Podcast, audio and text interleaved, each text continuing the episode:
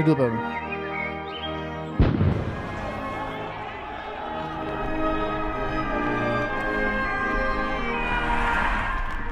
I skal ikke få lov til at tage andre menneskers frihed. Nu er en del af løsningen.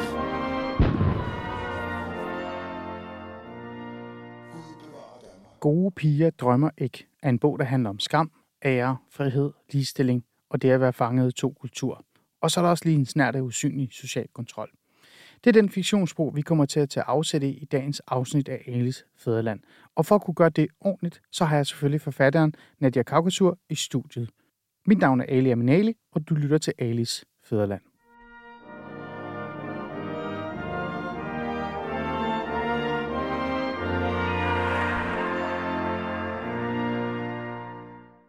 Nadia Kaukasur, du er 28 år gammel med kurdisk rødder. Du er født i Fredericia, nær Kolding og Vejle. Og nu er du også fatter til bogen Gode piger drømmer ikke. Velkommen i studiet. Tak skal du have. Vi skal jo tale om dig. Og alligevel skal vi faktisk ikke tale om dig, for vi skal jo tale om din bog Gode piger drømmer ikke. Øh, I bogen følger vi jo øh, Lina, som på sin vis forsøger at navigere sig igennem et liv fyldt med kulturelle barriere, der bliver opsat af hendes mor, det miljø, hun vokser op i, og de forventninger, der er til hende. Det er den bog, du har skrevet, som øh, den her bog, som er fiktiv. Er den inspireret af din opvækst?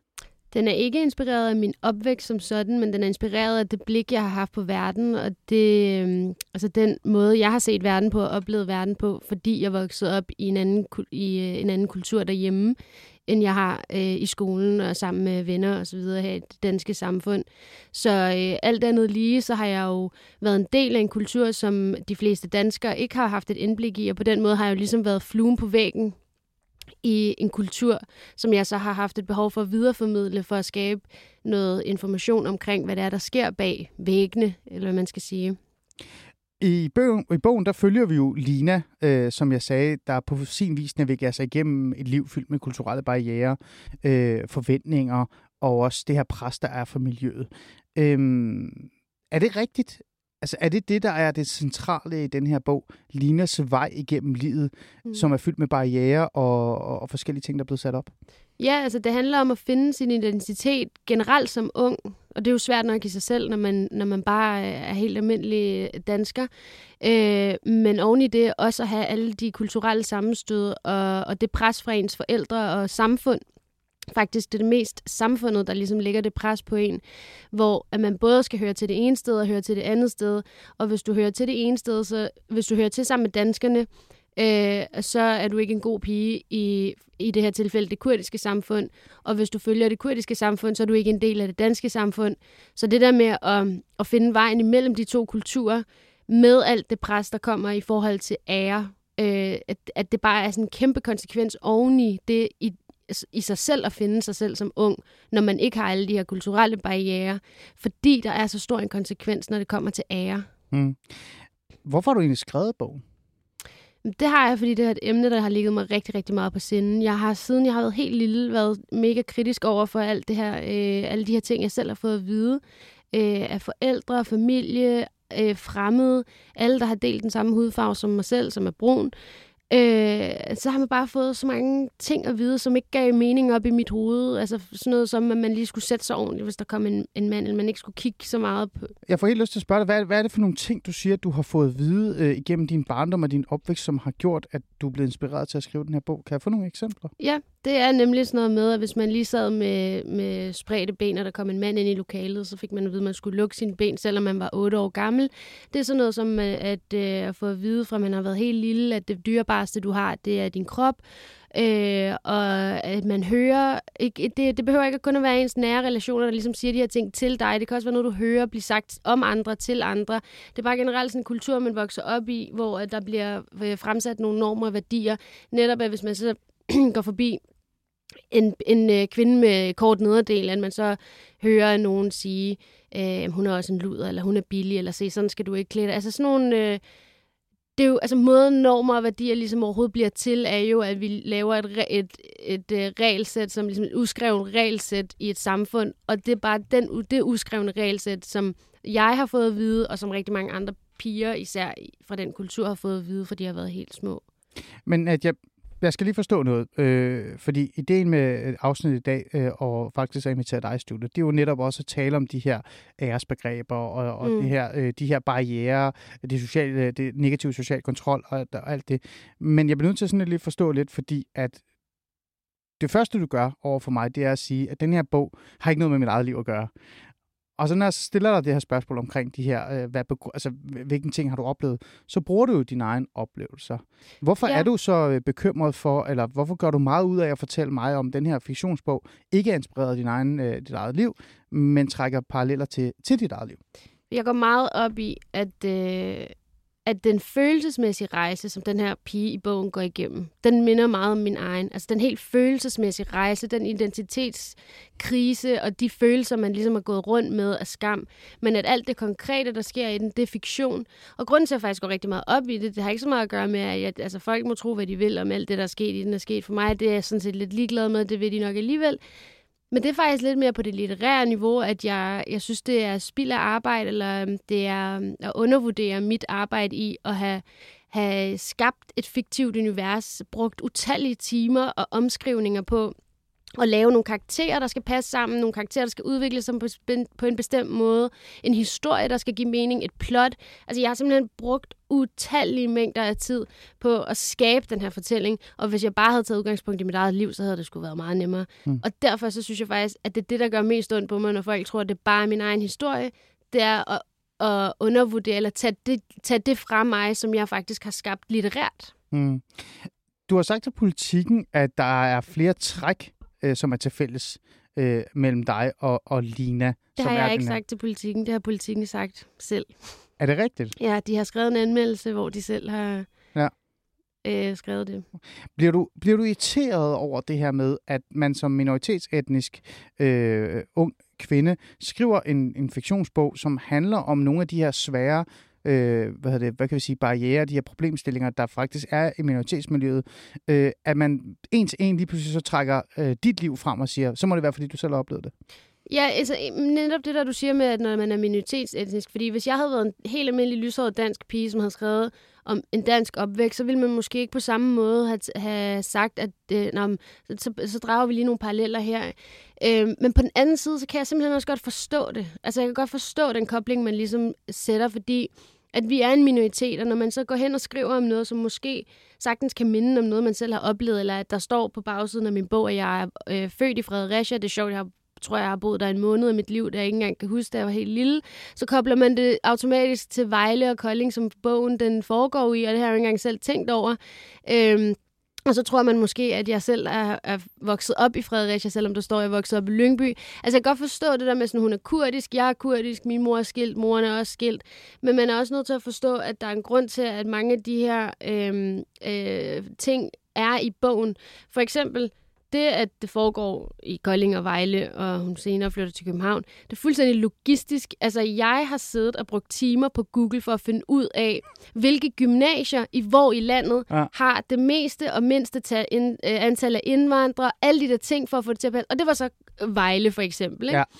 Ja. Øhm, og den anden ting med for eksempel det, at moren er skilt, jamen det er jo ikke, fordi min egen mor er skilt. Det er fordi, at hvis der var en far i billedet i den her bog, så ville man hele tiden kunne gå hen og sige, at hvis nu faren ikke var der, så havde problemet ikke været der. Så jeg har ligesom prøvet at komme tingene i forkøbet, og det gør bare, at, øh, at jeg har også en bror, pigen har også en bror. Jamen, hvis det kun var en søster, så kunne man ikke lave sammenligningen. Ja. Ja. Det er ligesom derfor, ikke? Ja. Øhm, så får jeg jo lyst til at gå tilbage til mit øh, spørgsmål, som startede det her. Øh, hvorfor har du skrevet øh, så den her bog? Fordi øh, er det bare øh, en øh, er det bare fordi du gerne vil være forfatter og reelt set vil vise hvor god du er til at skrive en fiktionsbog omkring en historie, eller er der også noget øh, mere bag det, øh, altså i bund og grund? Altså, jeg vil rigtig gerne være forfatter. Det har været min drøm længe.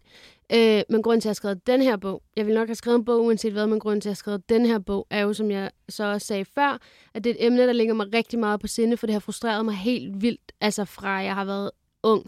Og jeg forstår godt dit spørgsmål, hvorfor fiktion? Er det det, du, er det, det, du mener? Altså, ja, hvorfor fiktion ja. i stedet for selvbiografi og så ja. videre? Det er jo fordi, at min egen historie slet ikke er interessant nok, føler jeg, til at skulle lave en selvbiografi ud af det. Og så synes jeg, at når det er fiktion, så kan jeg nemlig tage alt det, jeg har oplevet andre også, er, er sket for andre, og en ting, jeg... Øh, Altså ting, jeg synes har været uretfærdige, hvor jeg kan skabe en historie ud af et bestemt emne, eller sådan, øh, for eksempel sladder. Så kan jeg selv finde på en scene, hvor der bliver sladret, i stedet for, at det skal være noget, øh, der ikke er fiktivt, altså noget, der er sket i virkeligheden. Så på den måde, så føler jeg ligesom, at jeg har kunne skabe en all-around historie, som til gode ser mange piger, og ikke kun dem, der har den helt samme historie som mig. Nadia, øh, har du haft overvejelser i forhold til, om du overhovedet burde skrive den her bog, eller ej? Nej. Det kom lige til. Der var et tidspunkt, hvor jeg bare ikke kunne lade være. Jeg kan faktisk ikke rigtig huske, hvordan jeg gik i gang med den. På et tidspunkt, så tror jeg bare ikke, at det var en mulighed for mig ikke at gøre det. Men selve, øh, øh, hvad kan vi sige, øh, selve øh, emnet, ja. øh, og det her med at være minoritetsetnisk kvinde, skrive om øh, minoritetsetnisk øh, øh, miljø øh, og de barriere og de problemstillinger, der er i det miljø, Øh, har det, øh, selvom det er fiktivt, selvom du siger til mig, at du, altså man kan jo nærmest, du har researchet jo i ja. uendelighed, selvom du er så overbevist, og, og du ved, hvad du laver, og det er fiktion, øh, har du ikke haft nogen øh, overvejelser, om du burde smide dig, altså om du overhovedet gør det her, fordi det, det kan ende galt, der kan komme så meget kritik? Jo, fordi det er jo fiktion, men det er jo ikke fiktion. Altså historien er fiktion, eller det, der sker i bogen, er fiktion i forhold til, at det er opdigtede mennesker og, og scenarier, men det, der sker, er jo ikke fiktion. Mm. Det er jo virkelighed. Mm. Det er det her, der sker ude i verden. Men det er jo et betændt emne, du, ja. du faktisk øh, fiktivt skriver om. Mm. Har det givet dig nogle overvejelser? Øh, integrationspolitik, øh, æresbegreber, kulturelle problemstillinger. Har du, har du haft nogle, øh, øh nogle overvejelser omkring, øh, om, om det her kan være øh, altså et forkert skridt mm. for dig til? Ja, bestemt. Men jeg tror bare... Altså for at være helt ærlig, så er det bare noget, jeg har vidst i baghovedet, at det kan godt være, at der er en masse mennesker, der synes, jeg er en idiot. Og det har jeg egentlig fint med. Altså jeg, jeg vil ærligt talt sige, at det her emne har, har været så, øh, så frustrerende for mig at, at være vidne til i et helt liv, at jeg ikke har noget som helst imod, om der så var 10 mennesker, der stod på min dør og bankede på. Ah, okay, men forstå mig ret, altså at, ville, øh, at tage det fra mig, øh, for, fordi de ville synes, at det er uretfærdigt, det jeg skriver om, når, jeg, når det, jeg skriver om, er så uretfærdigt for os piger. Mm. Så det har været det værd? Også. Ja, bestemt. Men jeg har heldigvis ikke oplevet noget som helst negativt overhovedet. Men jeg har været bevidst om, at det var en konsekvens af at komme ud.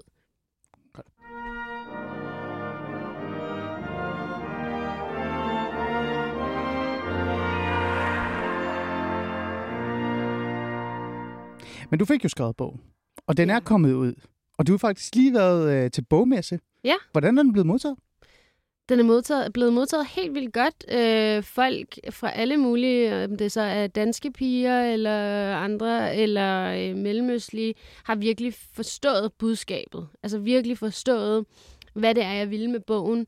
Øh, og forstået begrebet usynlig social kontrol. Og har, jeg har fået at vide, at den ligesom har været god til at, at få folk til at sætte sig i hovedpersonens sted. Og den er jo også skrevet i jeg-fortæller af samme grund. Det er jo en overvejelse, jeg har gjort mig. Øhm, for at man føler, at man er Lina, når mm. man læser den. At man, jeg har virkelig prøvet at skrive den på en måde, sådan så at de følelser, hun gennemgår, at man som læser gennemgår det sammen med hende. Sådan så at når man har læst bogen færdig, at man kan mærke, hvad social kontrol er, mm. og at man kan mærke, hvad skam er. Mm. Har der været nogen negativ? Nej. Det har der faktisk ikke. Det, har det overrasket dig, at der ikke har været nogen negative, altså øh, folk, der har reageret negativt og sagt, at nu øh, gør du højrefløjens ærne, ja. eller nu gør du et eller andet, som øh, stigmatiserer os. Det er jo noget, man godt kan blive ja. mødt af, når man skriver en bog som, som din. Øh, jeg skrev jo en debatbog, som var meget klar i forhold til den, den, øh, den ene del af debatbogen handlede om min opvækst øh, i, i det her øh, miljø, som var kun dansk i virkeligheden. Mm. Og det andet var decideret bare et skæld ud og en kritik af beskæftigelsessystemet. Det var nok til, at jeg nærmest fik dødstrusler. Ja, ja. Øh, er, har det overrasket dig? Der ikke det har det virkelig. Altså, jeg har ikke fået noget som helst negativt på selve bogen. Det eneste, jeg oplevede, det var, da jeg var i Godmorgen Danmark, og de lagde øh, på udgivelsesdagen, og de lagde øh, et billede op på Facebook, hvor de så havde skrevet, at øh, jeg havde været derinde og fortalt, hvad det handlede om. Ligesom, øhm, så var der en masse kommentarer, altså sådan nogle trusler om, at, øh, hvor der var nogen, der havde tagget hinanden og skrevet, at hun burde behandle sådan her, og så var det en kvinde, der blev stenet og alt det der. Og der ved jeg jo bare, at de ikke har læst bogen jo. Ja. Så de, de ser den der... Øh, de ser den der overskrift, hvor der står, øh, Nadja Kakesø har skrevet den her bog, øh, usynlig social kontrol er bla bla bla. Og så, øh, hun vil gerne gøre op med det, og så øh, er der en masse mennesker nede i kommentarsporen, der er sådan endnu en af de der, der bruger øh, vores kultur og vores religion, og jeg ved ikke hvad, til at øh, fremme sig selv, og endnu en, og endnu en, og jeg, altså, det, jeg stoppede ligesom med at læse det, fordi det, ja. det giver ikke noget værdi, fordi den var, den havde, bogen havde været ude i få timer der. Jeg er ret sikker på, at de ikke havde læst den. Mm, ja. Ellers så ja. passer det ikke til de kommentarer, Nej. de har skrevet, altså den IQ. øhm, men altså... Fair. Ja. okay. Men, men altså, øh, de er jo i sig selv fantastiske, og et godt råd til dig, det er at lade være med at læse kommentarspor. Bare ja, hold langt væk fra ja, det. Øh, men at, ja, du har jo taget fat i, i nogle svære emner i din bog. Øh, ja. Og den er jo fiktiv, og jeg skal nok blive ved med at drille dig i forhold til, om vi kan finde noget i din egen opvækst, der er det. Men, men øh, hvis man skal være lidt fræk, så kan man jo så sige det her med, at ære og skam er noget af det, der fylder allermest i bogen. Ja. Men det er også det, der fylder rigtig meget i det minoritetsetniske miljø, om man kan lide det eller ej. Mm. Øhm, hvad betyder egentlig ære og skam for dig? Øh, jamen, det betyder...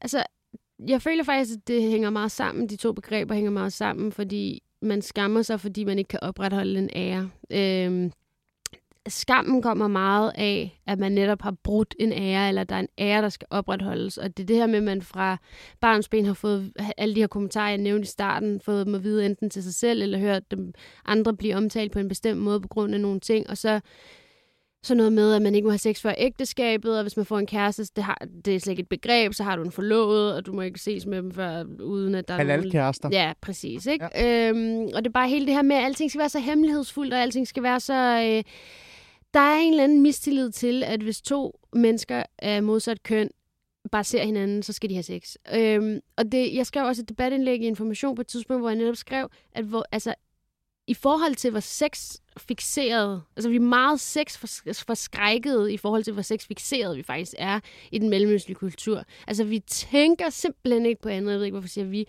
men der bliver simpelthen ikke tænkt på andet, øh, samtidig med, at det er det, man er mest bange for. Altså det er som om, at det her med ære og skam, det kommer af, at du må ikke, at der er rigtig mange handlinger, som især kvinder, de ikke må foretage sig, øh, fordi det gør dem mindre ærbare. Og hvorfor gør det det? Fordi det leder til noget seksuelt. Mm. Hvorfor må man ikke have noget tøj på, der afslører, fordi det leder til noget seksuelt? Hvorfor må man ikke drikke sig fuld, fordi det kommer til at lede til noget seksuelt? Hvorfor må man ikke øh, grine højt, fordi så gør du dig til foran en mand? Altså du ved, det er alle, sådan, alle handlinger, som er i går så en forbudte for kvinder i den der kultur. Det handler bare til, det, altså endgame er bare sex. Mm. Har du selv haft en halalkæreste, da du var yngre? Ja. Men det var ikke rigtig den slags halalkæreste. Jeg ved faktisk ikke, hvordan jeg skal beskrive, prøv, prøv, hvad prøv det var. Prøv at beskrive til vores lyttere reelt set faktisk, hvad en halalkæreste er. det vil jeg gerne høre. Jamen, hvad er en halalkæreste? Jamen, jeg, altså, mit begreb af halalkæreste, det er...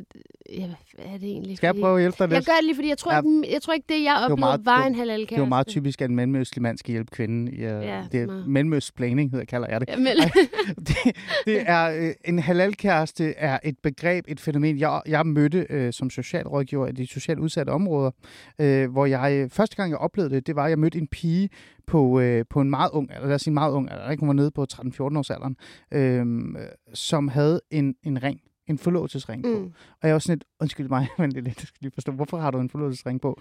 Og så fortalte hun mig om begrebet halalkærester. Øh, og det var det her med, at man, var, øh, man havde fået lov til at mødes og være sammen med en anden øh, øh, fra et andet køn, mm. en mand, øh, en dreng. Og når jeg siger mødes og være sammen, så betyder det ikke at have sex. Det betyder bare, bare sidde og spise en hotdog. Ja. Ikke engang hotdog, det må du jo ikke. En, en McDonald's mad, ikke? øh, så det er en, en form for lovlig måde øh, at have fået lov til at mødes med en anden mm. øh, mand. Så det vil sige, at det har været gennem familien. Man har ja. forklaret det, man har beskrevet det, og det er okay, at man mødes med personen. Øhm, har du haft sådan nogle forhold, da du var yngre? Jamen, det er jo så, det er sådan lidt halv, øh, halv halal kæreste, halv øh, ikke halal. Fordi, altså min første kæreste, det var jo et, et helvede for mig. Det var, det var i gymnasiet, hvor jeg ja, altså, fik en kæreste. Øhm, og jeg havde det simpelthen så psykisk dårligt over det i alle de to uger, jeg holdt det hemmeligt for min mor. øhm, og så gik jeg simpelthen til min mor og sagde, at øh, det her, det var, altså, det var aktuelt. Hmm. Og jeg vidste bare, altså grunden til, at jeg havde det så svært ved at sige det til hende, det var, at jeg vidste, at nu skulle hun til at bekymre sig. Øh, fordi hun vidste godt, at det, jeg ville, det var at have en kæreste. Altså ligesom alle danskere havde en i gymnasiet, og den der young love. Øh, og, og så skulle hun gå og bekymre sig om, hvem der nu så mig, og hvordan det nu hele skulle foregå. Øh, og hendes løsning var jo så, at det var jo, det er altså meget langt til siden, ikke? Øh, og vi har alle sammen ændret os siden. Men hendes løsning, det var så, at vi så blev forlovet. Altså bare sådan, så alle vidste, at det her det var noget, Ja. familien ligesom havde sagt ja til, sådan så hvis nu nogen, vi kendte, så os på gaden sammen, så ville de ikke tænke, ej, det er noget øh, hemmeligheds... Vi er øh, forlovet. Ja, Ja. ja. Vi, de, er, de er ligesom forlovet. Øhm, det viser så, at det ikke var nok, fordi at det var jo stadig ikke nok til, at jeg overhovedet måtte øh, altså, tage hjem til ham, sove hos ham. Han kunne ikke komme og sove hos mig. Vi kunne ikke bare være sent ud. Eller sådan, du ved, der var, det var stadig, det var netop, det ville være, hvis vi, hvis vi ligesom tog den kun til det skridt, så havde vi været halal-kærester. Ja. Vi ville jo så gerne næste skridt, for vi ville jo bare Ligesom gerne være andre. dansker, ja. øh, hvad hedder det, kærester, øh, Freudian slip. Hvad hedder det? Så for at det kunne lade sig gøre, så blev vi nødt til at blive islamisk gift. Fordi så var det jo halal, hvis nu vi sov sammen mm. Mm. og havde sex. Mm. Fordi det var det eneste, der blev tænkt på fra andre skridt. Det var vidderligt ikke engang mm. det, som vi ville. Det Ja. var bare at kunne være kærester. Mm. Så det var meget svært. Og så er vi tilbage til det her med de her barriere, der ja. Bliver sat op. Øh, nu tog jeg bare afsæt i ære og skam, og så endte det jo selvfølgelig, øh, som jeg også synes er altid meget mærkeligt, at når man taler om ære og skam, især det minoritetsetniske miljø, så ender det jo faktisk altid med, at vi taler om sex. Jamen, det er det. Og det, er jo- det er jo meget interessant. Altså, hvorfor er det, Det er det, altid skal... Ja, øh, men det ender jo med, at du netop øh, på en eller anden måde bliver nødt til at, sådan, at, at, at navigere dig igennem det her, det her mærkelige miljø. Øh, Nadia, nu siger jeg det. Øh, Lina, som er hovedpersonen i din bog, øh, Gode piger drømmer ikke, er jo ikke dig. Nej. Øh, men i bogen, så meget øh, af det, jeg nu har læst, jeg har ikke læst den færdig, altså, du må godt skælde Nej. øh, så er hun jo i gang med de samme øh, hurdles. Altså hun er jo i Mm. gang med de samme øvelser. Øhm, hvordan tror du egentlig, det er sådan, altså, øh, øh, er det egentlig sundt for unge piger med minoritetsetnisk baggrund, at de lever de her, det her liv? Nej, det er det bestemt ikke. Det er det bestemt ikke. Altså, det er, det er derfor, jeg gør det, og derfor, jeg snakker om det og skriver den her bog. Jeg vil gerne have, at vi skal komme ud af det her, fordi det, er, øhm, det har taget mig mange år efter, jeg selv blev bevidst om, at nu, nu er det her slut. Altså nu er det her liv, hvor man skal have det så dårligt hele tiden, det skal være slut. Og jeg gik selv i gang med min egen frigørelsesproces, som jo så kommer indenfra. For du kan ikke få andre til at, øh, at give dig frihed. Du er ligesom nødt til selv at tage den. Fordi dine omgivelser kommer ikke til at ændre sig. Og selv hvis de gør, hvis de alle omkring en selv, øh, eller be, begyndt slet ikke at have nogen som helst dømmende tanker om ære eller skam, eller gøre noget som helst, så hvis du har det inde i dit eget hoved, så vil du dømme dig selv for evigt. Så den frigørelsesproces, den har jeg været igennem de sidste mange, mange år. Faktisk øh, vil Mm. jeg sige, siden alt det med den første kæreste der, hvor det virkelig gik op for mig, at hvad er det her? For, altså, hvad er det her? Mm. for noget. Fordi selvom vi var gift, så havde jeg dårlig samvittighed hele tiden. Og øh, det var stadig et skamfuldt emne, og det var stadig, at jeg ikke havde gjort det på en rigtig måde. Alle de der ting. Mm. Mm. Så det er totalt usundt at leve i sådan en frygt og skam og dårlig samvittighed, og hvordan skal jeg navigere? Øh, hvis man skal tage afsæt i bogen, øh, og ikke så meget i dit eget liv, så øh, er der noget af det her øh, skam og ære, der også rammer Lina øh, i bogen, som du har skrevet om? Ja, hun... Det øh, klareste eksempel?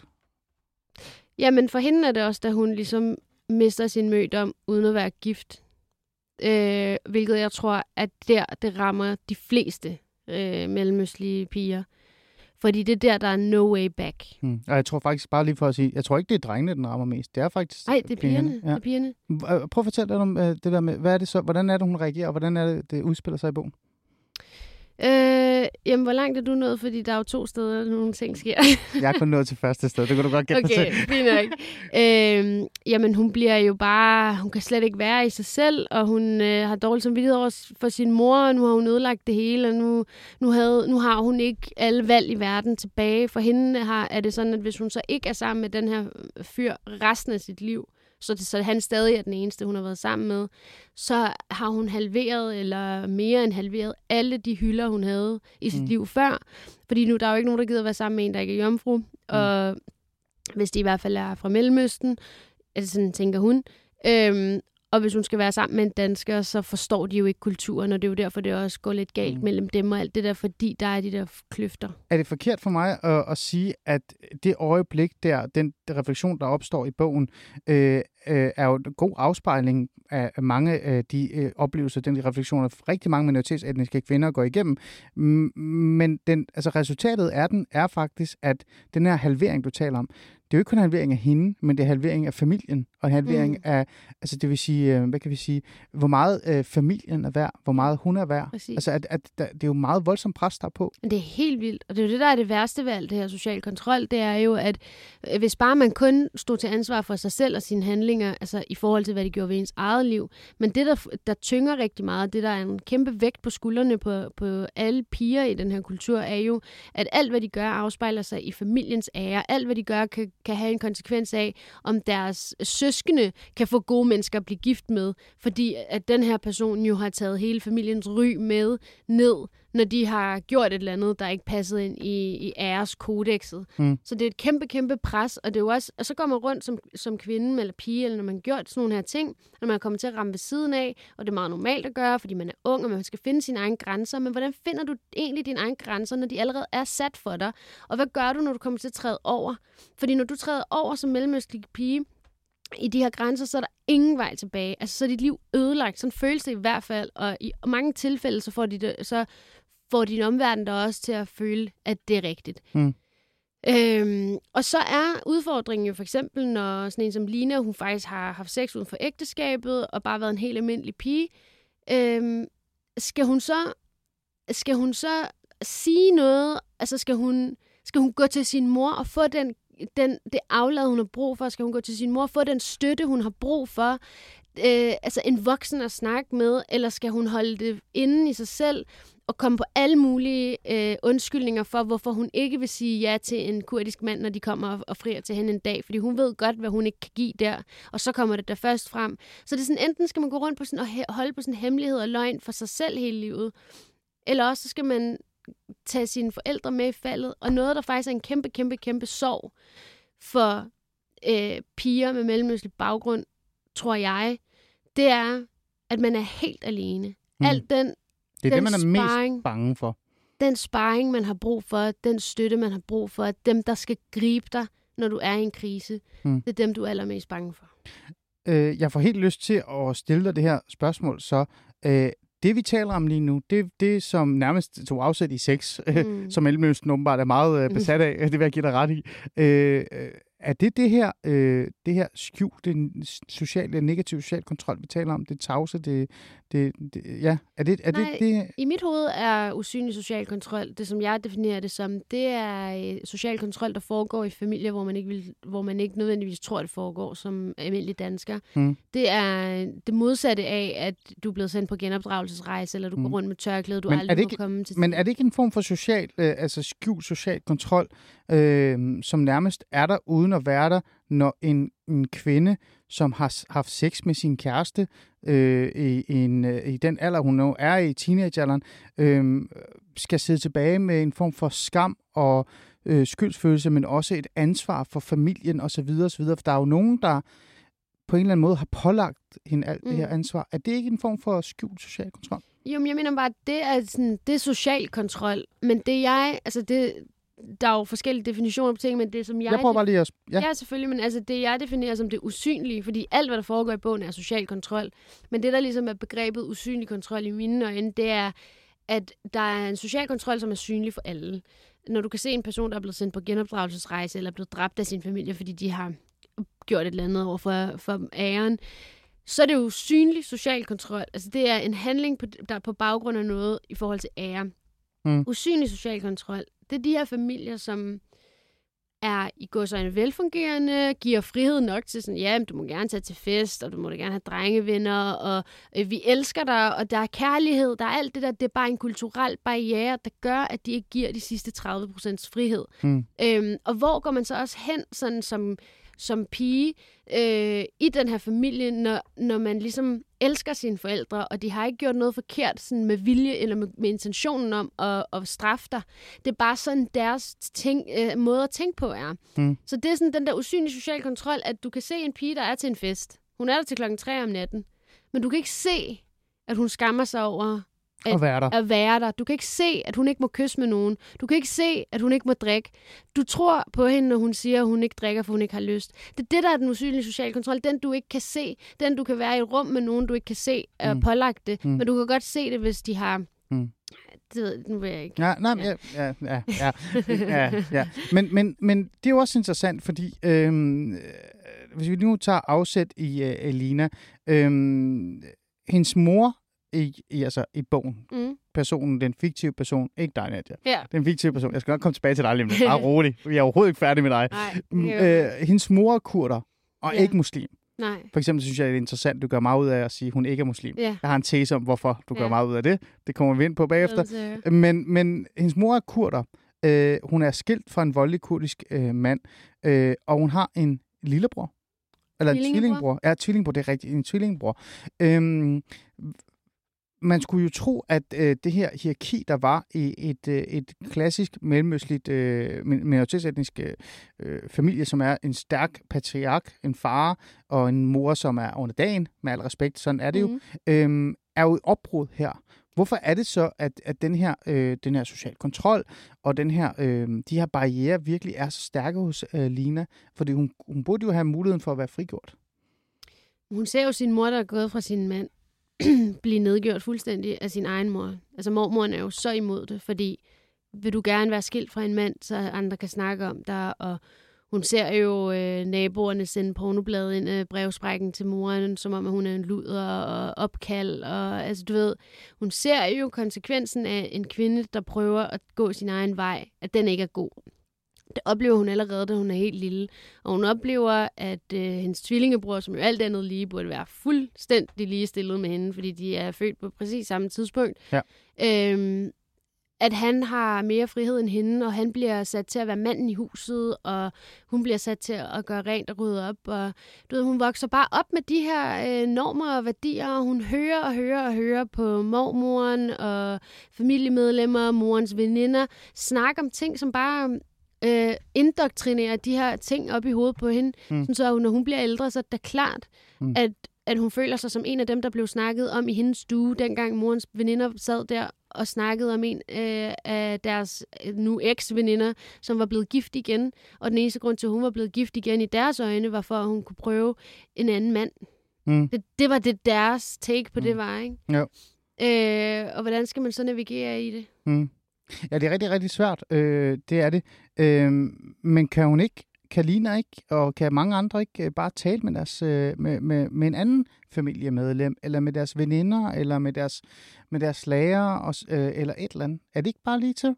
Altså, vi lever jo et velfærdsstat, øh, vil Ja. nogen jo mene, hvor der er socialrådgivere, og folkeskolelærer, og pædagoger, og klubmedarbejdere, og jeg ved ikke Mm. med hvad rundt om os, og alle er jo, så vidt jeg forstår, åbne og diverse og mangfoldige, og, og klar til at møde Mm. en, en Lina øh, Jeg er faktisk rigtig problemer. glad for, at du stiller det spørgsmål, for det faktisk... Det var så let. Ja, tak.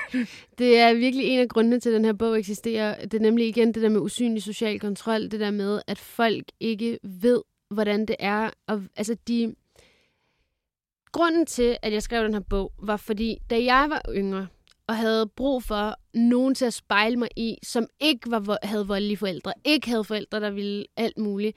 Det var, at jeg havde brug for at læse en bog, se en serie, se en film om et eller andet, hvor forældrene var kærlige, og det blev og elskede den her pige, men at hun ligesom bare ikke følte, at hun kunne udnytte hele sit potentiale.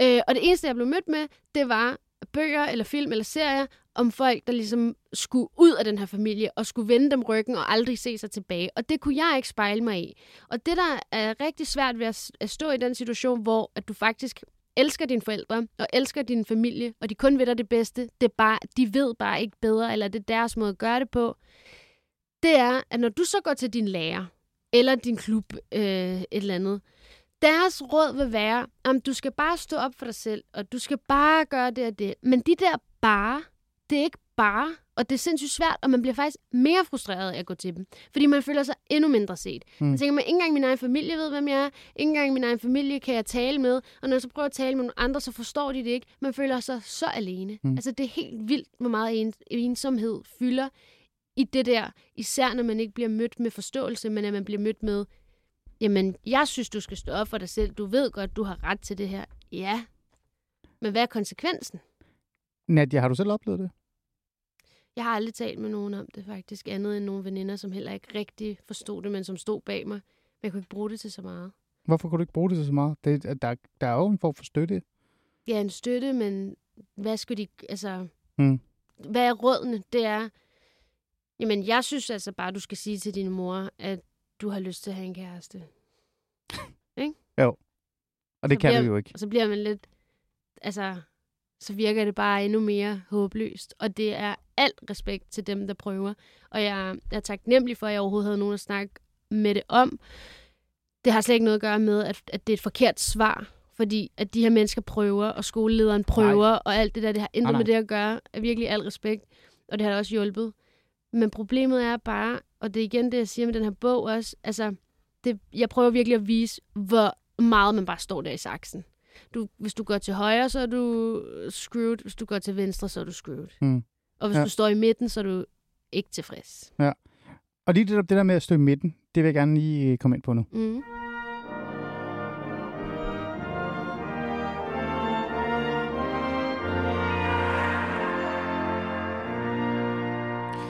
Du lytter som sagt til Alice Fæderland, og vi er godt i gang med samtalen. Jeg har Nadia Kakasur.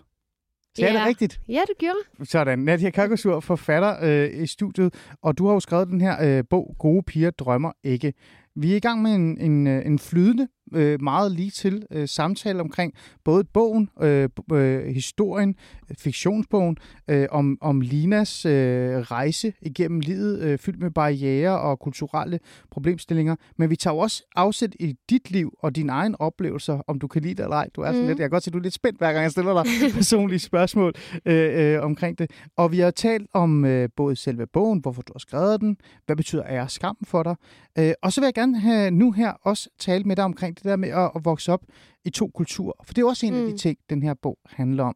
Det der med at stå midt i det hele, som du sagde, hvor man reelt set øh, forsøger at være dansk, og jeg lavede gåsetegn, øh, og, og, og mødes med sine danske veninder og venner og taler med dem om de problemstillinger, man har.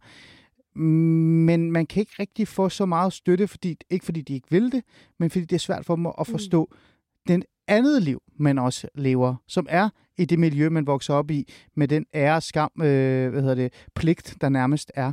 Øh, det her med at vokse op i to kulturer, Nadia, øh, ja, igen, jeg, nu siger jeg det, jeg vil gerne tage afsæt i dig, øh, for du er jo forfatteren. Hvordan har det været for dig? Jeg havde det rigtig svært med at ville begge dele, faktisk. Jeg, jeg tror, det ville være nemmere, hvis jeg havde været en person, som bare gerne ville være 100% dansk eller 100% kurdisk. For mig var det sådan, at hver gang jeg var hjemme, og i, øh, for eksempel hvis jeg var til et kurdisk bryllup, så var mit største ønske, det var, at jeg også bare var sådan en, der forlovede mig og giftede mig på den rigtige måde, og du ved, gjorde alt det der, som alle de der ting, der blev sat for en i, øh, og fik børn, og sådan, du ved, alle de der ting. Øhm, og så da jeg, var sammen, da jeg var i det danske miljø, så fik jeg lyst til at gøre alt på den måde. Så det var lidt som om, at jeg hele tiden gik ind og ud af en dør, som åbnede et helt andet liv. Og så blev jeg totalt forelsket i det liv. Så gik jeg ud af den dør ind ad den anden, og så blev jeg fuldstændig forelsket i det liv. Og jeg kunne slet ikke finde ud af, hvad er det egentlig, jeg selv vil. Og jeg kunne heller ikke finde ud af, og det er jo kun set i bagspejlet, at, man, at de her refleksioner også kommer frem. Dengang tror jeg slet ikke, det var sådan, jeg tænkte, men, men, men jeg tror også bare, det der med, at, mm, at prøve at høre, altså man man har den der så store trang til bare at høre til. Så når du er et sted, hvor majoriteten gør noget, så vil du også være det. Så når du er for eksempel til en, en kæmpe gymnasiefest, hvor alle drikker, og alle står derude på dansegulvet og danser lidt og flytter og alt det der, så har du også lyst til at gøre det. Du har også lyst til at komme om mandagen og fortælle alt muligt, du gjorde, og at folk sidder og siger, hvordan du opførte dig, da du var fuld. Men det var du ikke, for du var ædru. Og når man er i det andet, så vil man også gerne være det. Altså man vil hele tiden tilfredsstille de mennesker, man er sammen med. Sådan mm. havde jeg det i hvert fald. Mm. Og det er sindssygt svært, fordi så står man der i midten og er faktisk ingen af delene. Mm. Og er faktisk lidt en bad guy begge steder. Fordi for Hvordan mit, er man det? Hvordan er man det? i mit, for mit vedkommende var det sådan, at jeg var en engel i det danske miljø, for jeg drak ikke, og jeg, havde, jeg fik først den der kæreste der, og det var alt var første gang der og alt muligt. Jeg havde ikke engang nærmest kigget på nogen drenge. Øhm, hvad hedder det? Men jeg var stadig til festerne, og jeg havde, var stadig i det der danske miljø. Så derfor var jeg stadig sådan lidt en bad guy, fordi jeg var jo ikke 100% ren. Nej. Jeg havde jo været til det der, jeg sad jo med folk, der drak alkohol, Du og der var jo afsted, ja. Ja, og der var billeder af mig på Facebook med alkohol på bordet, ikke? Oh, Øhm, men, jeg, men jeg var jo stadig totalt kedelig og ædru og jomfru og du ved, alt det der. Og øh, så, så derfor så var jeg både sådan bad guy, eller ikke bad guy, men jeg var den kedelige i det danske, og jeg var den rebelske i det kurdiske. Mm. Så du kan ikke vinde. Så du skal vælge en af siderne for at vinde, tror jeg. Ja. Øh, er det ikke det samme cirka, øh, Lina går igennem? Det der med at, at, at, at, et eller andet sted balancere mellem det her liv, og faktisk er være bad girl, bad guy mm. I, i begge liv. Jo, men helt klart, fordi det er jo en ret universel ting, føler jeg. Jeg tror ikke, det er så meget sådan noget, der er personligt mig, der har gået igennem det. Det er jo også derfor, at jeg ligesom, som sagt, skriver bogen for at ramme den st- større skare af mennesker, fordi jeg tror faktisk, de fleste af os går igennem det her, og ikke så meget, at vi er bange for at blive slået ihjel af vores forældre. Og jeg tror bare, at det hele tager afsæt i, at vi- at virkelig mange af os Mm. er i den her situation, hvor vi vil begge dele. For vi ser begge dele. Vi er ikke isoleret i et land, hvor der kun foregår én ting, og vi er i den samme kultur. Vi ser begge dele, og man får lyst til at være i begge dele. Alle, jeg har snakket med, de fleste, jeg har snakket med, har haft det på den her måde. Nadia, er det derfor, altså den her splittelse, den her øh, nærmest skizofrene måde at leve på, man nærmest har to identiteter, det er der også nogen, der Mm. kører, altså der faktisk decideret har to personligheder. Ja. Øh, er det derfor, bogen hedder Gode piger drømmer ikke? Fordi der måske ikke er plads til at drømme i virkeligheden? På, altså på Ja. begge fløje? Altså, den hedder Gode piger drømmer ikke, fordi at hvis du drømmer om et, din egne drømme, er du ikke en god pige. Fordi hvis du er en god pige, så følger du det liv, der er blevet sat for dig, og du følger de regler, der er blevet sat for dig, og de grænser. Mm. Så hvis du begynder at drømme, så får du dine egne tanker, og din egen drømme, og din egne veje, og så er du ikke længere en god pige. Det har i Mm. hvert fald været mine tanker omkring titlens Mm. opståen. Men er der ikke også noget sandhed i, at så længe du er i de to universer og prø- prøver at behage begge, så vil du, du vil jo ikke have mulighed for at mm. kunne Mm. drømme, eller i hvert fald håbe på, på noget. Øhm, Jo, det synes der ikke jeg også. sandhed er- Jo, det synes jeg også er en god iagttagelse.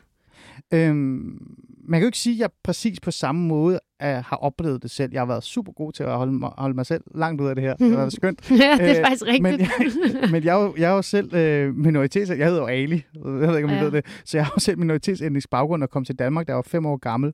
Jeg er jo vokset op i, øh, i Nordsjælland, i, en- i en lille by, der hedder Ålskov, hvor alle omkring var, var danskere. mm. Øh, og der havde jeg et helt normalt liv. Men så da jeg kom hjem og lukkede døren, så var jeg i Mellemøsten. Præcis. så jeg havde jo Præcis. også den her øh, dobbelthed. Men på et tidspunkt, og måske også fordi, at jeg var dreng, men på et tidspunkt, så kom jeg til den erkendelse, at jeg kunne ikke være i det mere, fordi jeg netop ikke kunne drømme. Fordi at, at i virkeligheden, hvis jeg havde nogle drømme, nogle håb og nogle forventninger, eller nogle tanker omkring, hvordan jeg gerne ville med mit liv, øh, ude i, i verden, den, den verden, jeg levede i, det Danmark, jeg levede i, øh, dem, de, de var der jo ikke, de fandtes jo ikke, Nej. når jeg kom hjem. Nej. Øhm, øh, du siger, at, at man ender med, at man skal vælge side. Øhm, nu vil jeg jo ikke røbe, hvad der sker i bogen. Igen, jeg har heller ikke læst den færdig. Så er det lidt svært. Men at jeg så spørger jeg dig, øhm, tror du, der er mange minoritetsetniske, øh, ja, især kvinder, som ender med at, at sige, jamen, så bliver jeg nødt til at vælge et eller andet? Og det er derfor, der enten kommer den her good girl, som bare retter sig ind øh, og, og bliver den her, øh, den her, som lever op til de her æresbegreber, eller den anden, som fuldstændig splitter sig fra det hele og, og, og forsvinder ud af hele det her æresbegreber og, og får en, øh, altså nærmest lavet et, et brud med familier. Mm. Det tror jeg bestemt, fordi øh, jeg kan ikke forestille mig, at, at man ikke er mega splittet imellem to kulturer, når man er vokset op i Danmark i en mellemøstlig familie. Altså en, en familie, som nærmest lige er kommet til Danmark, når de har født dig. Øhm, det kan godt være, at der er nogle undtagelser, der bekræfter reglen, men, men sådan i, i min optik, eller i min logik, der kan jeg ikke forestille mig, at der ikke er rigtig mange, der er i den der midterposition. Og for at komme ud af den, som du siger, så er man enten nødt til at vælge det ene eller det andet. Øhm, men jeg tror helt klart også, at der er nogen, hvor det ikke er sådan en aktiv beslutning, men hvor det bare ligesom sker, fordi at sådan helt rent psykisk er det måske bare nemmere at go with the flow. Øh, og hvis det flow er din families altså, forventninger til dig, jamen, så er det bare nemmere at bare gøre det. Altså, Mm. og, og så tror jeg også bare, at det handler meget om, hvor man er vokset op henne. Fordi for mit vedkommende, der voksede op kun med danskere, ligesom dig. Så da jeg kom hjem, var det også et helt andet univers. Og jeg kommer endda fra en meget sådan fri og moderne familie, så jeg kan slet ikke forestille mig, hvordan det havde været, hvis jeg også var vokset op i sådan et du ved, hardcore religiøst øh, du ved, hjem, så ville det være en kæmpe kontrast. Og jeg havde stadig den der kæmpe splittelse.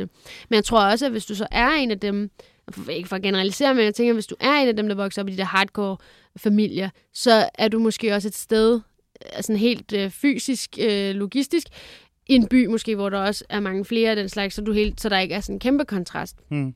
Øhm, og jeg tror også, øh, i bogen, der har jeg også øh, en, en ligesom periode med i Linas liv, hvor hun bliver venner med to øh, araber. Fordi at hun tænker, at det er måske nemmere, nu når jeg ikke kan få det der andet, så er det måske nemmere bare at gå all in på det, jeg burde, øh, og være sammen med nogen, der heller ikke må de ting. Fordi så er det normalen. Og så er vi faktisk de seje, fordi vi ikke drikker. Og sådan, mm. øh, så bliver hun lidt religiøs. Og, og så er det ligesom som om, at det er hendes eget valg. At mm. hun ikke gør det der ting. Så nej, jeg skal i hvert fald ikke date, fordi det er jo haram. Og mm. det tror hun jo på der lige pludselig. Du ved, sådan nogle ting. Øhm, og der tror jeg bare, at hvis man er vokset op i, og det er jo også noget integrationspolitisk i det, det er, hvis man er vokset op i et miljø, hvor der kun er øh, indvandrere, eller de fleste er indvandrere, har den samme kultur, så der bliver det i min optik nemmere bare at sige, jamen, så er vi bare det. Så går vi ikke så meget ind i det danske, fordi det er bare nemmere at følge de regler. Og det skal man nogle gange også bare lige have for øje som dansk politiker, eller bare dansker generelt, som tror, at det er en eller anden, et eller andet valg, man har om ikke at integrere sig. Nogle gange er det simpelthen bare nemmere ikke at gøre det, fordi ellers så står man der i midten af to kulturer. Mm. Det er godt. Der er rigtig mange politikere, der lytter til det her program, så nu kan du det er, måde. Det er altid godt. Øh, godt. men den her splittelse, øh, som i virkeligheden er meget svær at forstå, øh, og også anerkende i virkeligheden. Øh, siger du øh, på en måde, at, at der, hvor man vokser op, det på en eller anden måde også kan have en indflydelse i forhold til, hvor man så ender? Øh, altså det vil sige, hvis man vokser op i et socialt udsat øh, område, eller et miljø, hvor der er rigtig mange med minoritetsætningsbaggrund, så er der en større sandsynlighed for, at man faktisk bare giver op, øh, giver sin frihed op, accepterer æreskam-begreberne, og så siger, jeg vil gerne date Thomas. Jeg vil gerne mm. være kæreste med Laura, selvom jeg er, altså du ved, jeg hedder yeah. Line. Øh, men det kommer ikke til at ske. Så drop det. Jeg må hellere bare lytte til, til familien, og så, så indordner man sig. Det tror jeg, fordi du skal tænke på, at hvis du, øh, hvis du er i et miljø, hvor alle andre også er indvandrere, så er der også mange flere øjne på dig. Du, det er jo et kollektivistisk samfund, det mellemøstlige. Øh, det er meget, altså det er jo det, der ligesom også er, igen, essensen i bogen, det er, at det er altså ikke altid ens familie, der er skurken. Det er mere det, de ikke vil lade dig gøre, fordi de er bange for, at samfundet skal snakke om, der er pizzamanden skal snakke om, der er et kioskmand skal snakke om, der er naboen. Og du skal bare, altså, så skal man også bare lige tænke på, at når du så er i en opgang, hvor alle kender dig, og alle har den samme baggrund som dig, og de resten af blokkene er også det samme, så har du mange flere øjne på dig, så det er klart, man giver nemmere op. Men hvis du er hvis du bor i, øh, det ved jeg ikke, Rungsted, og du er den eneste indvandrerfamilie, så ja, så er man bange for, at en eller anden pizzamand øh, får øje på en, men så kender han jo heller ikke rigtigt, hvad man er, eller sådan, du ved, så er det mere sådan det der nære familie, der ikke må se en, eller sådan så er der ikke lige så mange øjne på en, og så har man måske lidt mere frihed til at gøre de ting. Det gymnasium, man går på, er der måske ikke lige så mange indvandrere, der kigger, og, og at man er bange for, at de går hjem og siger til deres forældre, ej, øh, jeg så øh, Nadia til, til den der fest, og du ved, fordi man går meget op i, hvad andre med samme hudfarve tænker om en. Fordi jeg har i hvert fald oplevet, at øh, folk med den samme hudfarve som mig har en ejerfornemmelse over mig, selvom de ikke kender mig, alene fordi vi deler den samme hudfarve. Hmm. Jeg var bare nysgerrig øh, i forhold til, mm. hvad du tænker om det her. Øhm, vi har jo ikke så meget tid tilbage. Det går meget hurtigt. Nå. Ja, ja. Øh, der er noget, jeg gerne vil vende med dig også, øh, før vi slutter af her. Øh, fordi vi har været forbi æreskam-begreberne. Ja. Vi har været forbi dig som person, hvor meget det fylder og ikke fylder.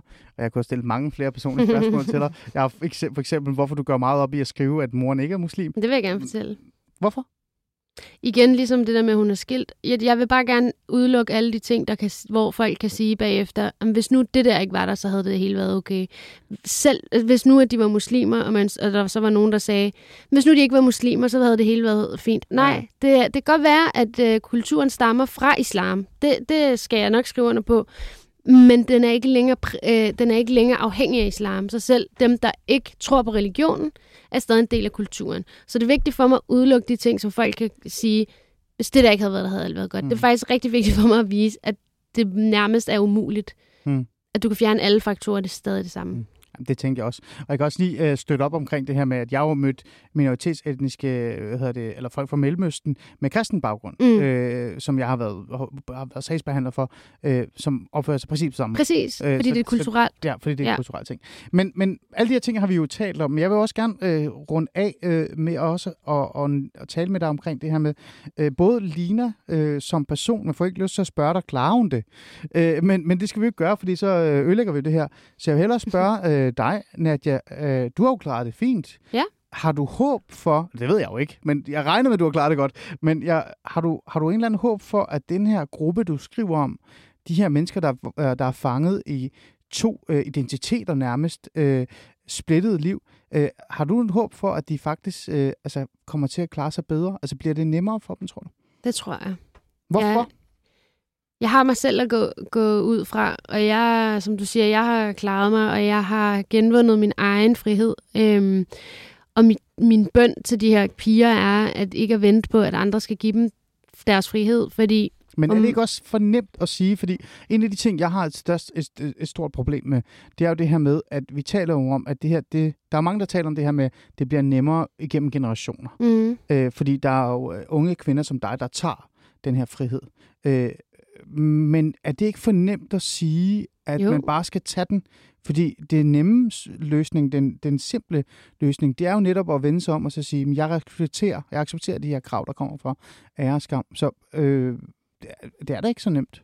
nej, det er da bestemt ikke nemt. Det er det overhovedet ikke. Men, men det er den eneste. Men det, det er den løsning, jeg ser er den eneste faktisk, fordi igen, for at tage udgangspunkt i mig selv, jeg, hvis jeg havde siddet og ventet på, at øh, andre skulle have givet mig frihed, så havde jeg stadig siddet øh, og ikke haft den. Øhm, ingen af mine omstændigheder har egentlig ændret sig. Jeg har de samme, den samme familie. Det kan godt være, at man selvfølgelig er blevet mere moderne, alt det der, men alt omkring mig er det samme. Det er de samme mennesker, alt det der. Det, der har ændret sig, det er, at jeg er blevet ligeglad. Så hvis jeg har en kæreste, så, så har jeg en kæreste. Og hvis jeg er i byen, så er jeg i byen. Hvis jeg ryger smøger, så ryger jeg smøger. Altså du ved, dengang havde det ødelagt mit liv, fordi jeg hele tiden tænkte over det. Men jeg tror også, det vigtige er, at man også har en familie, der er bag en. Fordi hvis jeg ikke vidste, at min mor var lige så ligeglad som mig med, hvad folk siger, så ville, selvom jeg var ligeglad, så ville jeg stadig tænke over, hvad de sagde om hende, fordi det ville påvirke hende. Så det er jo totalt komplekst. Altså, der er intet af det, der er nemt. Men det er den eneste løsning, jeg ser, det er, at man tager sin egen frihed. Og det, jeg har gjort rigtig meget, det er at snakke, snakke, snakke, snakke i mange år med min mor, med min familie. Og med dialog er vi kommet så langt, at min egen mor er blevet sindssygt ligeglad øh, med, hvad andre siger. Og vi, vi gør ikke ting i skjul længere. Hmm. Fordi vi ligesom har, er blevet enige om, at hvis vi, vi er fornuftige mennesker, vi er gode mennesker, så hvis vi gør noget, så har vi nok taget en beslutning om det. Så er det nok ikke forkert. Hvorfor skal vi holde det skjult? Mm. Så du tror på det? Jeg tror på det. Ja.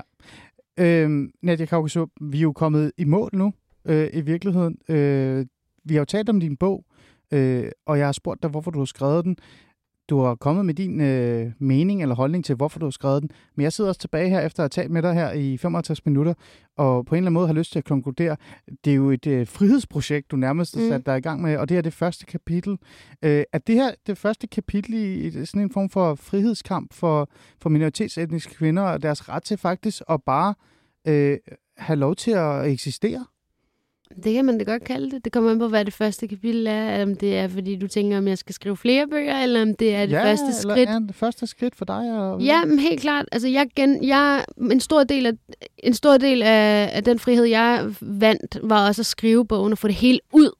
Øhm, og der kunne jeg virkelig mærke, at hvis jeg skulle kunne se mig selv i spejlet, efter at have skrevet den her bog og preache til alle mennesker, så skal jeg jo også selv leve efter det. Hmm. Så Så det er ikke det sidste, man hører fra Nadia? Det er det ikke, nej. Og heller ikke Lina måske? Der ved jeg det. Det kan jeg ikke svare på. Det er ondt. tak fordi du vil komme og, og fortælle lidt om din bog. Tak fordi jeg måtte. Og til jer lyttere, tak fordi I lyttede øh, med. Øh, nu er der som altid nyheder.